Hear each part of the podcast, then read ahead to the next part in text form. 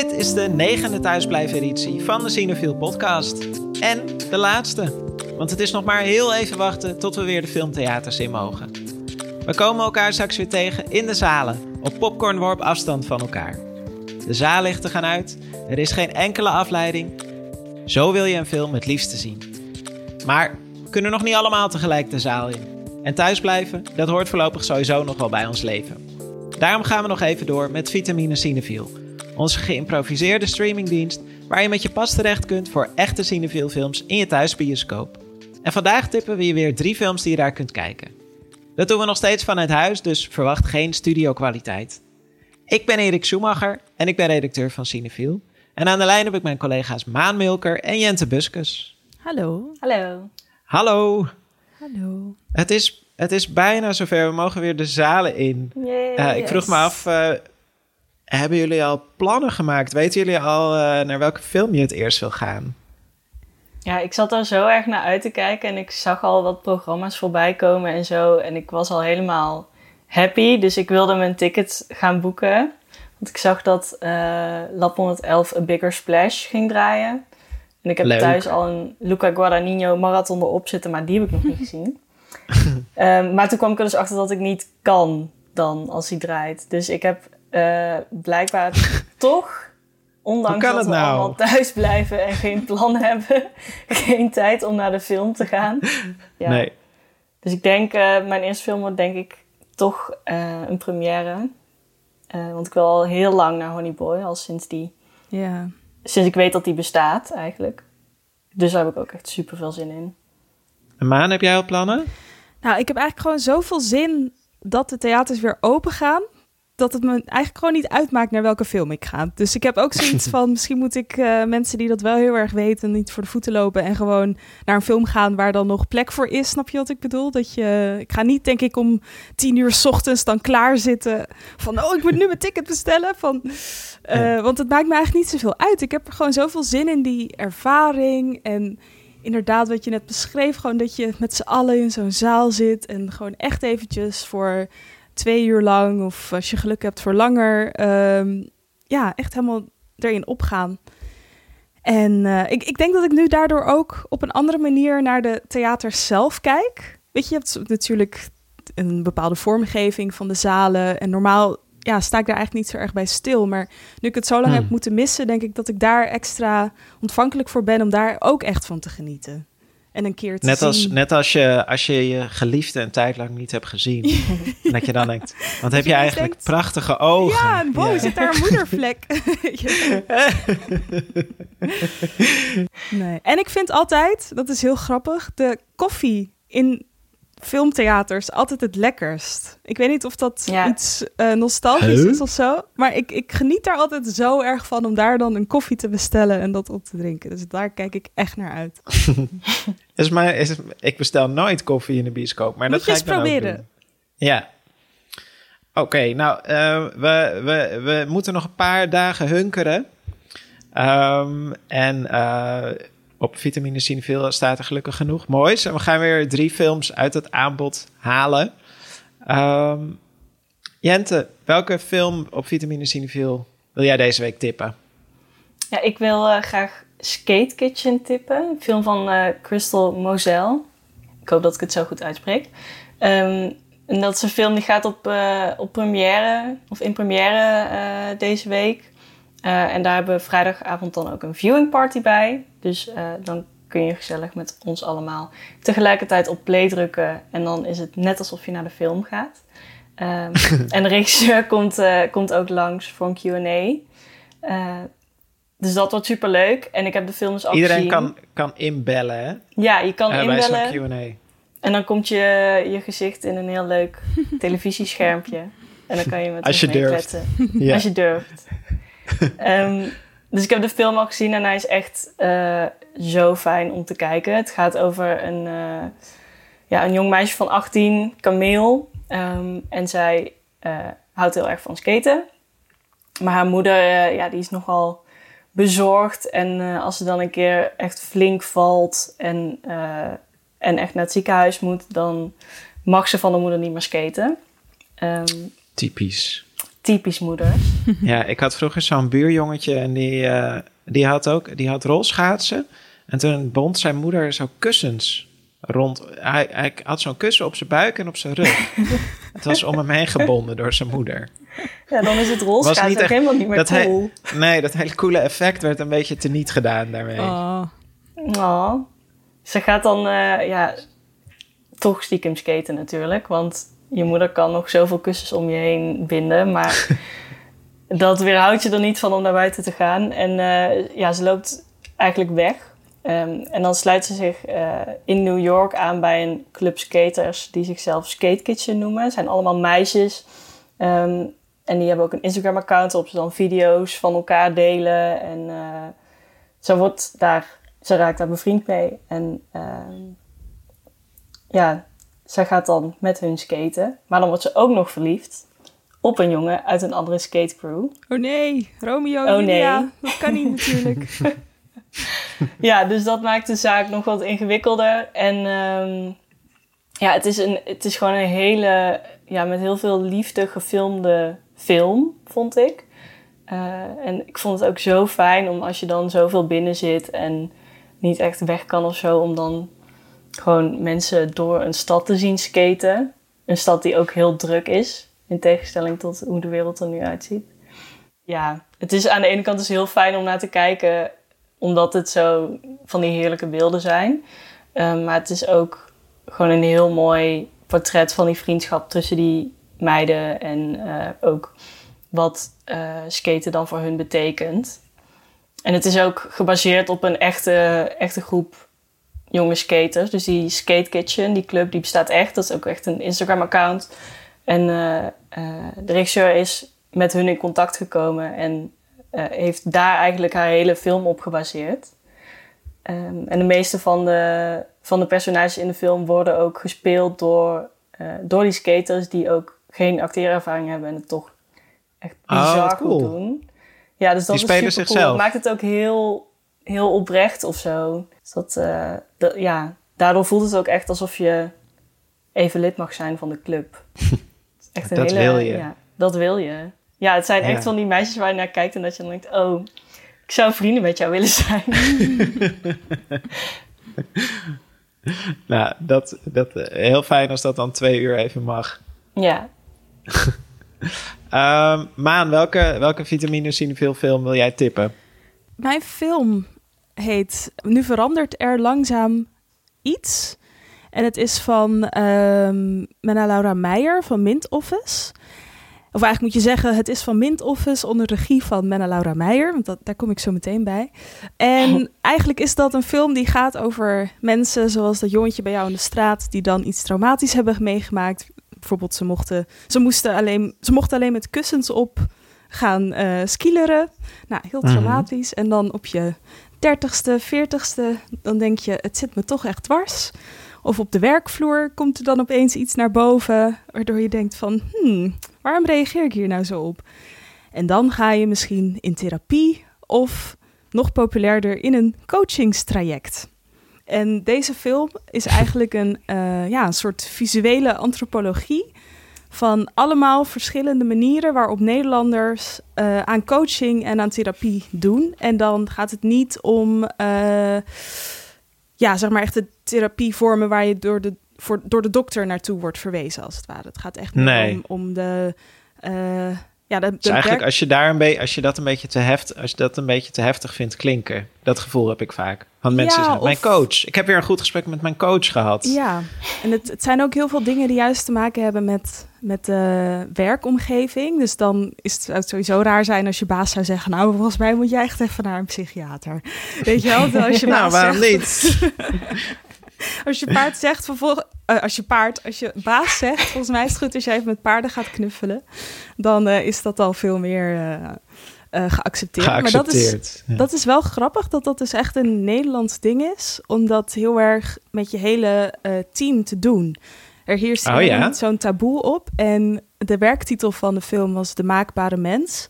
En ik hoorde in een interview met Menna Laura Meijer dat ze daar uiteindelijk van af hebben gezien, omdat je dat niet in het Engels kan vertalen.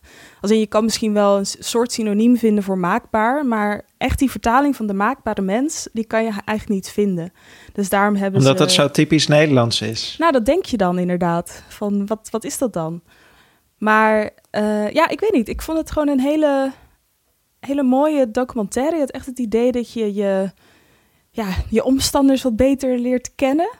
En ook, uh, het deed me heel erg denken aan, aan mijn vader, want die geeft dat soort, uh, ja, die biedt dat soort coachingsdingen aan, maar dan bij hem in de vorm van crazy camps. Dus dan gaat hij met een groepje mensen gaat hij naar een huisje in de bergen en dan gaan ze daar allemaal uh, spellen spelen. Uh, ja, gewoon echt om even uit je bekende comfortzone te komen. Daar gaat het ook de hele tijd over in de documentaire, weet je wel. Van, ga, er, ga er langs. Je hebt bijvoorbeeld uh, ja, van, van die mensen die dan als handhaver werken... en die moeten dan een training doen... en dan staan ze met z'n allen in zo'n kamer... gewoon recht voor zich uit te kijken... en dan komt er iemand tussendoor lopen en die komt zo... hé, hey, hey, wat kijk je nou? Wat kijk je nou, man? Op zo'n manier. En die mensen gaan er echt hartstikke slecht op. Want dat is ook gewoon niet leuk als iemand dat kon doen. En sowieso is het al heel erg ongemakkelijk dat je daar met z'n allen zo staat of zo.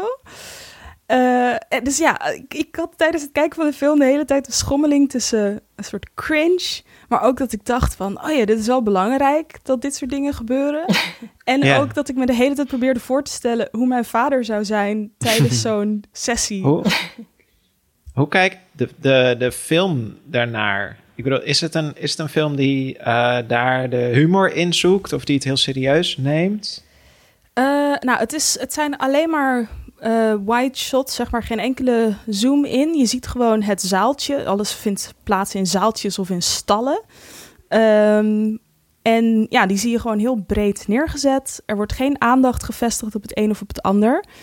En er zit ook geen knip tussendoor in het fragment wat je ziet. Dus je hebt wel dat het de hele tijd naar een heel ander soort situatie springt. Maar als je nou eenmaal in een scène zit, dan blijf je daar ook helemaal in, zeg maar, real-time. Dus daardoor maak je gewoon echt even in het klein zo'n therapiesessie mee, wat iets heel intiems heeft. Maar aan de andere kant, juist door die opstapeling van hoeveel je er achter elkaar hebt, volgens mij wel echt iets van 30 of zo, daardoor krijgt het ook echt iets absurdistisch van waar zijn we nou eigenlijk naar op zoek als we met lammetjes gaan knuffelen of als we een paard rondjes laten lopen of als we familieopstellingen doen. Dat zijn allemaal dingen die erin voorkomen. Van ja, wat, wat wil je ermee bereiken? Want ergens zit er, ze spreekt de hele tijd van ga in je kracht staan en zoek je ware ik. Allemaal dat soort. Maar eigenlijk is het idee een beetje van waar ik tenminste mee de film uitliep van ja, uh, ik weet het eigenlijk ook niet waar we nou eigenlijk naar op zoek gaan. Maar misschien gaat het juist ook meer om het idee dat je wel ergens mee aan het werk bent. In plaats van dat je ook echt iets bereikt of zo. Oh, dat klinkt Het gaat zo om de reis, niet om het doel. Volgens mij, volgens mij kun jij je vader zo opvolgen in deze business. Ja, precies. Maar nog even, hoe zat het nou met, met die regisseur? Oh ja, eh, En- ja, want eh, nou, zij is eh, regisseur. Ik ben best wel fan van haar werk. Ik vind vooral haar film Wie Margiela. Die- Het was over het modehuis eh, Maison Martin Margiela. En dat is ja, echt zo'n soort ja, modehuis, maar niemand die kende die maker. En daar ontstond zo'n hele... Zeg maar, niemand wist echt daadwerkelijk wie die maker zelf was. En daar ontstaat al zo'n hele cult omheen. En eigenlijk probeert die film aan de hand van de mensen die bij het bedrijf hebben gewerkt, de, ja, de mythe te ontrafelen. En dat lukt eigenlijk gewoon niet. En haar, ze heeft heel veel interesse in auteurschap en makerschap. Dus wat betekent het op het moment dat zij deze film maakt? Of dat zij de film maakt over coaching? Ehm, of ze heeft eerder een film gemaakt over een vriendengroep hier in Nederland... Die, waarvan één meisje is vermoord door haar andere vrienden. De film heet Sweetie. En eh, ja, dat is echt een super heftig verhaal. En het is haar gelukt om de betrokkenen voor de camera te krijgen.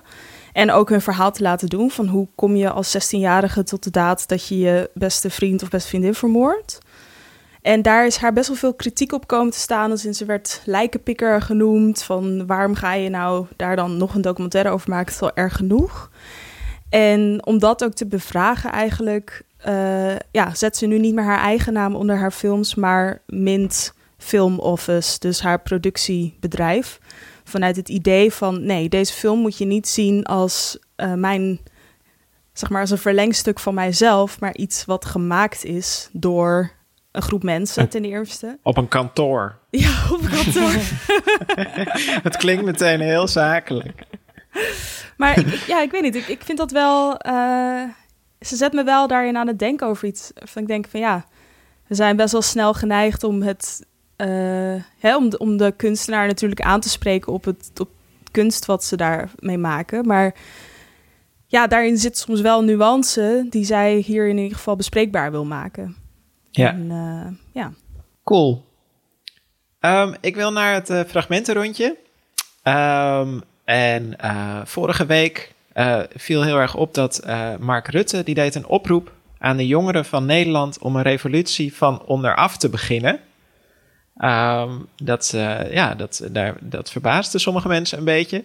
De, en ik vroeg mij daarom af, ik wilde jullie vragen, Welk minderjarig personage uit de filmgeschiedenis mag van jou uh, Mark Rutte opvolgen?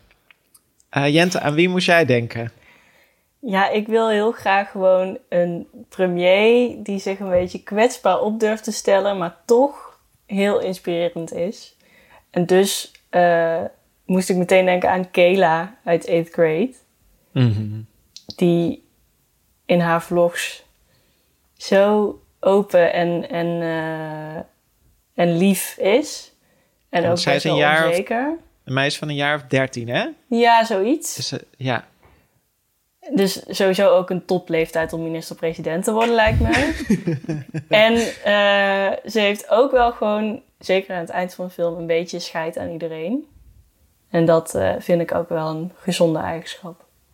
Wat, wat, wat gebeurt er in het fragment dat we horen? In het fragment dat we horen, hoor je Kela praten tegen zichzelf. Um, en eigenlijk, eigenlijk praat ze dan tegen de oudere versie van zichzelf. Van hey, misschien was uh, high school niet de beste periode uit je leven. Uh, misschien wel. Als het niet zo was, dan is dat ook oké. Okay. Dan wordt het sowieso beter. En een superwijs, hoop.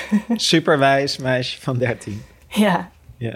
En ik zou het ook heel leuk vinden als Mark Rutte iedere persconferentie zou afsluiten met Gucci. Just because things are happening to you right now doesn't mean that they're always gonna happen to you. And things will change. And, you know, you never know what's gonna, like, happen next. And that's what makes things exciting and scary. And fun. Um, ja, ik dacht. Um, Mark Rutte staat natuurlijk bekend om uh, zijn, zijn goede humeur en zijn, uh, zijn optimisme. En, en, en, die heeft daarin een zekere onverstoorbaarheid. Uh, dat zijn leiderschapskwaliteiten die veel mensen waarderen. Um, maar ik stem zelf eigenlijk altijd heel graag op politici die woedend zijn. Die um, naar de microfoon stormen en dan met trillende stem heel precies zeggen wat er mis is. In het ehm, Latijn of heb... in het Nederlands?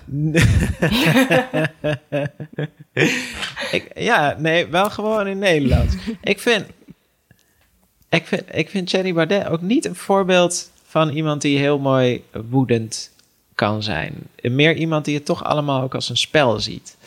En um, uh, ik, ja, ik, heb daar, ik, ik heb daar heel veel uh, bewondering voor als mensen zo mooi boos zijn. Want ik zelf, als ik woedend ben, dan kan ik altijd onmiddellijk niet meer uit mijn woorden komen. Dus dat vind ik heel fijn.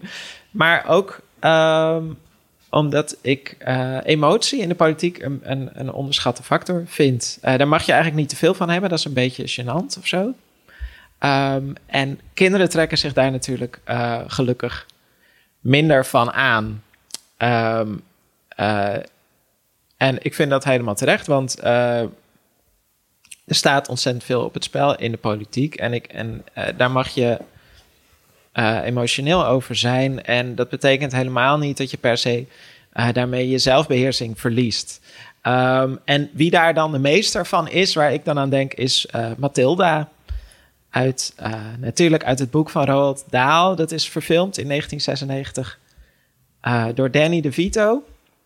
En dat is een meisje uh, dat eigenlijk ontdekt dat ze een speciale gave heeft. Op het moment dat ze heel erg boos wordt, ontdekt ze dat, dat ze telekinetische gave heeft en met haar gedachten objecten kan verplaatsen. In het begin gaat ze dan ook tegen haar vader zeggen van schreeuw tegen me, schreeuw tegen me. En dan, dan wordt dat opgeroepen, maar dat is dan een soort, ja, dat leert ze dan heel mooi uh, beheersen. Dus daar zit dan die woede achter, maar dat wordt dan haar kracht. En dat wordt dan ook heel beheerst. Um, en um, dat laat ze dan op een gegeven moment aan haar juf zien. Dan begint ze heel nonchalant een waterkan op te tillen. En dat, dat gebeurt in deze scène. Powers. Mm-hmm. I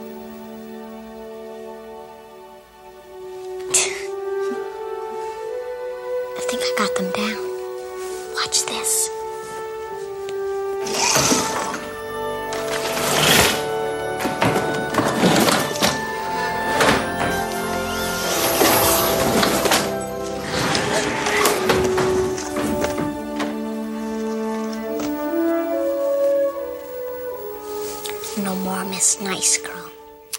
Um, Maan, aan wie dacht jij? Nou, eigenlijk uh, ja, past het ergens wel uh, een beetje bij dingen die jullie allebei hebben gezegd. Want het personage wat ik heb gekozen, dat is Jordana uit de film Submarine. En uh, dat is een film uit 2008 uit mijn hoofd. Ik weet het even niet meer. Nee, later. Nou ja, Volgens ik weet het even niet meer. 2011. 2011. Maar in ieder geval, ik was op dat moment was ik rond de leeftijd van uh, de mensen die in de film spelen. En uh, dat zijn namelijk 15, 16-jarigen die het aan de ene kant helemaal op een rijtje hebben, maar aan de andere kant alles ook nog heel spannend vinden. En dit personage specifiek, zij is de love interest van, de hoofd, van het hoofdpersonage. En zij is uh, lekker fel, als in hij vindt haar heel eng ergens ook. Maar ze is ook heel, heel romantisch en heel, uh, ja, heel volwassen daarin. Als in dat ze echt die, die romantiek uh, in zijn leven uh, voor het eerst doet ontvlammen. En in dit fragment, dan dwingt ze hem, ja, echt letterlijk dwingen om ergens heen te komen. En hij moet een camera meenemen. En dan denkt hij van, wat gaat er gebeuren? En zij zegt dan van, Neil Town of zo. Nou, je zal het zo meteen horen wat ze precies zegt. En die soort energie van zo'n meisje die gewoon zegt van... ik wil nu dat je hierin komt en dat je gaat knielen voor mij. Tegen wie? Dat... Ja, als, ik, stel me even, ik stel me even een vergadering van de Verenigde Naties voor. en onze premier Jordana. Tegen wie, tegen wie moet ze dat gaan zeggen? Tegen iedereen die de belangen van uh, een jonge vrouw als deze durft tegen te spreken. Heel dus, goed. Uh, ja, vandaar dit fragment. Have you got the camera in the diary? Do you have the pamphlet? Give me the camera. Now kneel down. Please, Jordana, what is this? Kneel down. Nou, ik wil ook graag een, uh, een, een film tippen op uh, Vitamine Cinefiel. Uh, en dat is Good Time. Ja. Uit 2017. Ja, een, een film uh, die al aardig wat fans heeft. Um, een film van de gebroeders Josh en Benny Safdie. En uh, ja, die kennen we ook van Anka Gems. Uh, een film die dit jaar is uitgekomen met Adam Sandler als uh, diamanthandelaar. een enorme nerveuze achtbaanrit. Um, uh, film die helaas niet in Cineville heeft gedraaid, maar wel uh, op de IFFR en uh, op Netflix te zien is. Um, nou, dat is, dat is, echt een film waar, waar de adrenaline door het dak schiet. Um, nou, als je dat een goede film vond, dan zit je ook helemaal goed met, met Good Time eigenlijk. Ik vond Good Time eigenlijk... zelfs beter persoonlijk. Oké, okay. Nou, kijk eens aan. Stevige mening. Even mijn mening. ja, nee, het is ook wel. Ik bedoel, het zijn ook wel echt verschillende films. en, ehm, maar ik vind het wel leuk dat het basisprincipe is gewoon van... Nou, er is gewoon een deadline. En er moet gewoon tegen die tijd moeten we gewoon een bepaald bedrag hebben verzameld. Anders gaat het helemaal mis. dat is in Anka Jam zo. En ehm, in Good Time ook. Het is natuurlijk ook weer een heel New Yorkse film. Uh, die Safties zijn echte, echte New Yorkse makers die heel erg die stad ook als uitgangspunt nemen. Maar Good Time speelt zich dan duidelijk in een minder glamoureuze kant van de stad af. Ehm, geen diamanthandel met rijke basketballers, uh, maar drugshandelaars en uh, kleine criminelen. Um, het is ook ja, voor een belangrijk deel s'nachts. Een beetje wat, wat donkerdere film. ook weer met een geweldige soundtrack van uh, One Tricks Point Never. Die heeft ook de, onder de naam die zijn moeder hem heeft gegeven, Daniel Lopatin, heeft hij ook de, de soundtrack van Anka Gems gedaan. En dat, dat, hij weet zo, dat past zo goed bij elkaar, die nerveuze, uh, broeierige synthesizers. Uh, die maken gewoon dat je, dat je bij voorbaat al een beetje naar wordt. Um, uh, maar ja, dit uh, de, ja, is een heel indringende sfeer weer. Maar dit is misschien wat, wat somberder en wat modderiger. Uh, het gaat over Connie. Dat is een rol van Robert Pattinson. En ja, die berooft een bank samen met zijn broer. zijn broer is verstandelijk beperkt. en nou, dat gaat door mis. Benny Safdie. Ja, ja, gespeeld door Benny Safdie, ja. ja. die speelt af en toe zelf ook een rol mee. Um, ja, dat gaat mis. En zijn broer wordt gepakt. En nu moet uh, Connie het geld bij elkaar krijgen om zijn uh, bail te betalen. En dan maakt hij een serie beslissingen. En uh, het is echt zo van, oh... Met elke beslissing maakt hij het erger en erger. Ja, het is gewoon... Connie is ook een eikel, gewoon. Het is ook gewoon een foute man die enorme schade aanricht. Maar daar zijn de Safties gewoon heel goed in. dat zijn goudmijnen voor hun. die maken uncut gems. Ja, het zijn uncut gems. ja, ze hebben ergens hun charme, maar ze zijn ook heel destructief. Heel lelijk op een menselijke manier. Um, en ik vind het knap hoe ze dan, ja, toch afstand weten te bewaren van die personages. Zonder ze dan ook weer te veroordelen. En die rol van, uh, van, van Robert Pattinson uh, vind ik geweldig. Hebben jullie dat uh, de, laatst dat interview met Robert Pattinson gelezen in de GQ? Ja. Ik heb toch het gevoel dat we het daar even over moeten hebben. Ik wil het daar heel graag over hebben. ik heb echt, sinds ik het heb gelezen, aan niks anders gedacht. Maar wat is het dan? Ja, hij heeft, het was een gewoon interview met GQ volgens mij. Alleen, uh, ja, op sommige momenten zegt hij hele normale dingen over de films die hij maakt en wat hij leuk vindt en waarom hij die rollen uitkiest. En dan uh, gaat toch een derde van het interview over hoe hij pasta maakt in de magnetron oh, met aluminiumfolie en cornflakes. Cornflakes. Oh, dat recept. Nee, maar je moet gewoon een beetje pennen in een bakje water in een magnetron doen en daar allemaal cornflakes op gooien. En suiker. en suiker. Oh, nou, het, het klinkt zo smerig, maar ik kreeg ook wel heel erg zin om dit te maken, dit gerecht. Ik vind wel dat iemand uh, iemand het toch moet proberen. Nee, maar hij heeft gewoon. Hij, hij was altijd. Ja, hij brak natuurlijk door als, als uh, Twilight, als vampier in een, uh, in een tienerfilm. Um, en uh, nu is hij een soort van super excentrieke gast binnen Hollywood. En ik denk dat Good Time daarin echt ook wel een beetje een schakelfilm was. Een soort van, als je hem in die rol hebt gezien, dan accepteer je hem ook niet meer in een normale rol denk ik. Maar ook zelfs toen hij in Twilight speelde, toen dat nog bezig was, dat, ging hij gewoon in interviews die films helemaal afbranden. Ja, dat vind ik wel flauw trouwens. Ik vind, ik, vind het veel chiquer van Kirsten Stewart, die gewoon nog steeds uh, trots is op Twilight. Ik bedoel, dat heb je ook gewoon gemaakt en daar hebben heel veel mensen ervan genoten ik denk ook dat over tien jaar die films gewoon echt een cultstatus. Nou, ik, ik las dat er een nieuw Twilight boek aankomt en dat zij dus contractueel nu nog in potentie nog een film zouden moeten maken. ik kijk nu al uit naar 2021. We sluiten altijd af met een fragmentenrondje. Eh, waar kijken we nog meer naar online uh, buiten vitamine cinefiel? Uh, Jente, wat is jouw thuiskijktip? Nou ja, ik kijk eigenlijk veel te weinig naar mijn eigen smaak. Ik merk dat ik gewoon de concentratieboog voor een hele speelfilm, dat, om dat op te brengen, dat, dat duurt heel lang bij mij. Mm -hmm. um, dus ik kijk om dat toch een beetje goed te maken voor mezelf de laatste tijd um, heel veel shorts. En dan gewoon van uh, regisseurs die ik toch al heel leuk vind. Uh, en waar ik eigenlijk dan een speelfilm zou, van zou willen kijken, maar dan wordt het dus een short. Mm -hmm. um, goed alternatief. Ja, goed alternatief. En de meeste staan ook gewoon op YouTube of, of kun je ergens anders wel legaal, maar toch gratis kijken. Um, en Eentje die ik daarvan wil uitlichten is um, Wasp van Andrea Arnold. Ah ja. Uh, van de regisseur van ook Fish Tank en American Honey, die nu op Vitamine Cinefil staat. Um, We weten nog wel jouw allerfavoriete film. Ja, mijn aller, allerfavorietste film.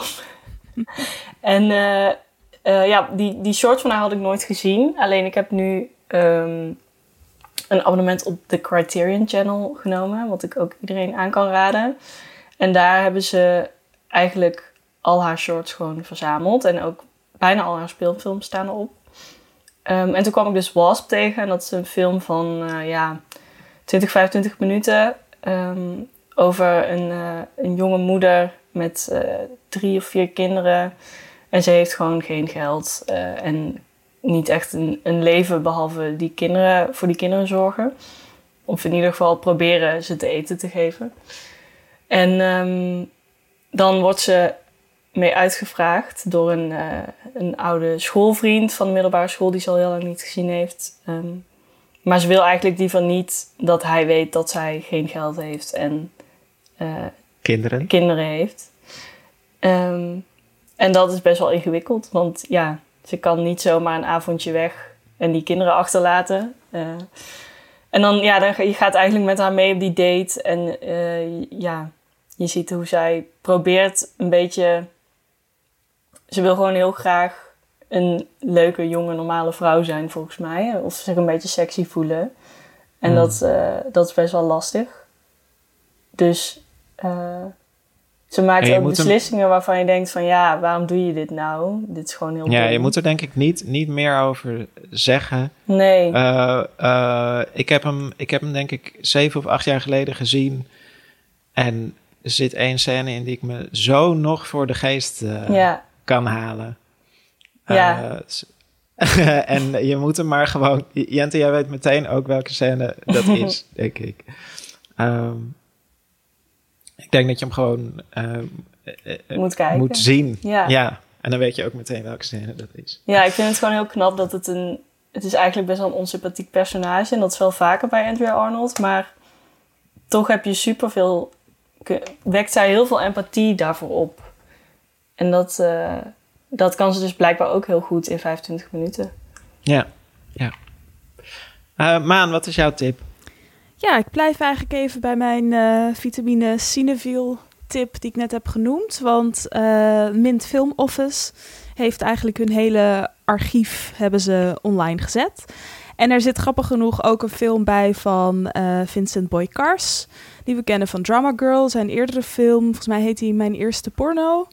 Uh, of in het Engels, ik weet, ja, ik weet even niet meer hoe die heet, maar die staat erop. En ook heel veel kinderdocumentaires, uh, die eigenlijk echt gewoon ook heel erg goed zijn voor volwassenen. Gewoon omdat ze dan soms, het heeft iets heel oprechts. En daar hou ik heel erg van. En uh, daarom kan ik het iedereen aanraden om die Vimeo-channel even te bekijken. Want er staan allemaal ook hele korte dingen op. En ja, dat is gewoon heel leuk. Cool. Uh, nou, we hebben, dit, we hebben dit met elkaar niet van tevoren besproken, maar we zitten allemaal een beetje in dezelfde hoek te denken. want ik, uh, ik wou ook een, een korte film tippen van de een maker van de, de film die ik vandaag heb getipt, of de makers, de Safety Broers. die, die zijn begin dit jaar Um, met een short gekomen. Die hebben ze gewoon ook op Vimeo gezet. Um, die ze hebben gedraaid tijdens het draaien van Anka Jam, geloof ik. Het is in ieder geval ook met Adam Sandler en het is ook met Benny Safdie. Um, en zij spelen allebei uh, zo'n straat. Um, artiest, zo iemand die dan. Het is, ja, die film heet Goldman v. Silverman. Dus er is één uh, artiest die is helemaal goud geschminkt. En uh, die ander, uh, dat is Adam Sandler. En Benny Safdie is helemaal zilver. En dat zijn dan van die stratenrobots, weet je wel. Die dan stilstaan of... Ja, die stilstaan en dan zo langzaam zo bewegen ja, opeens.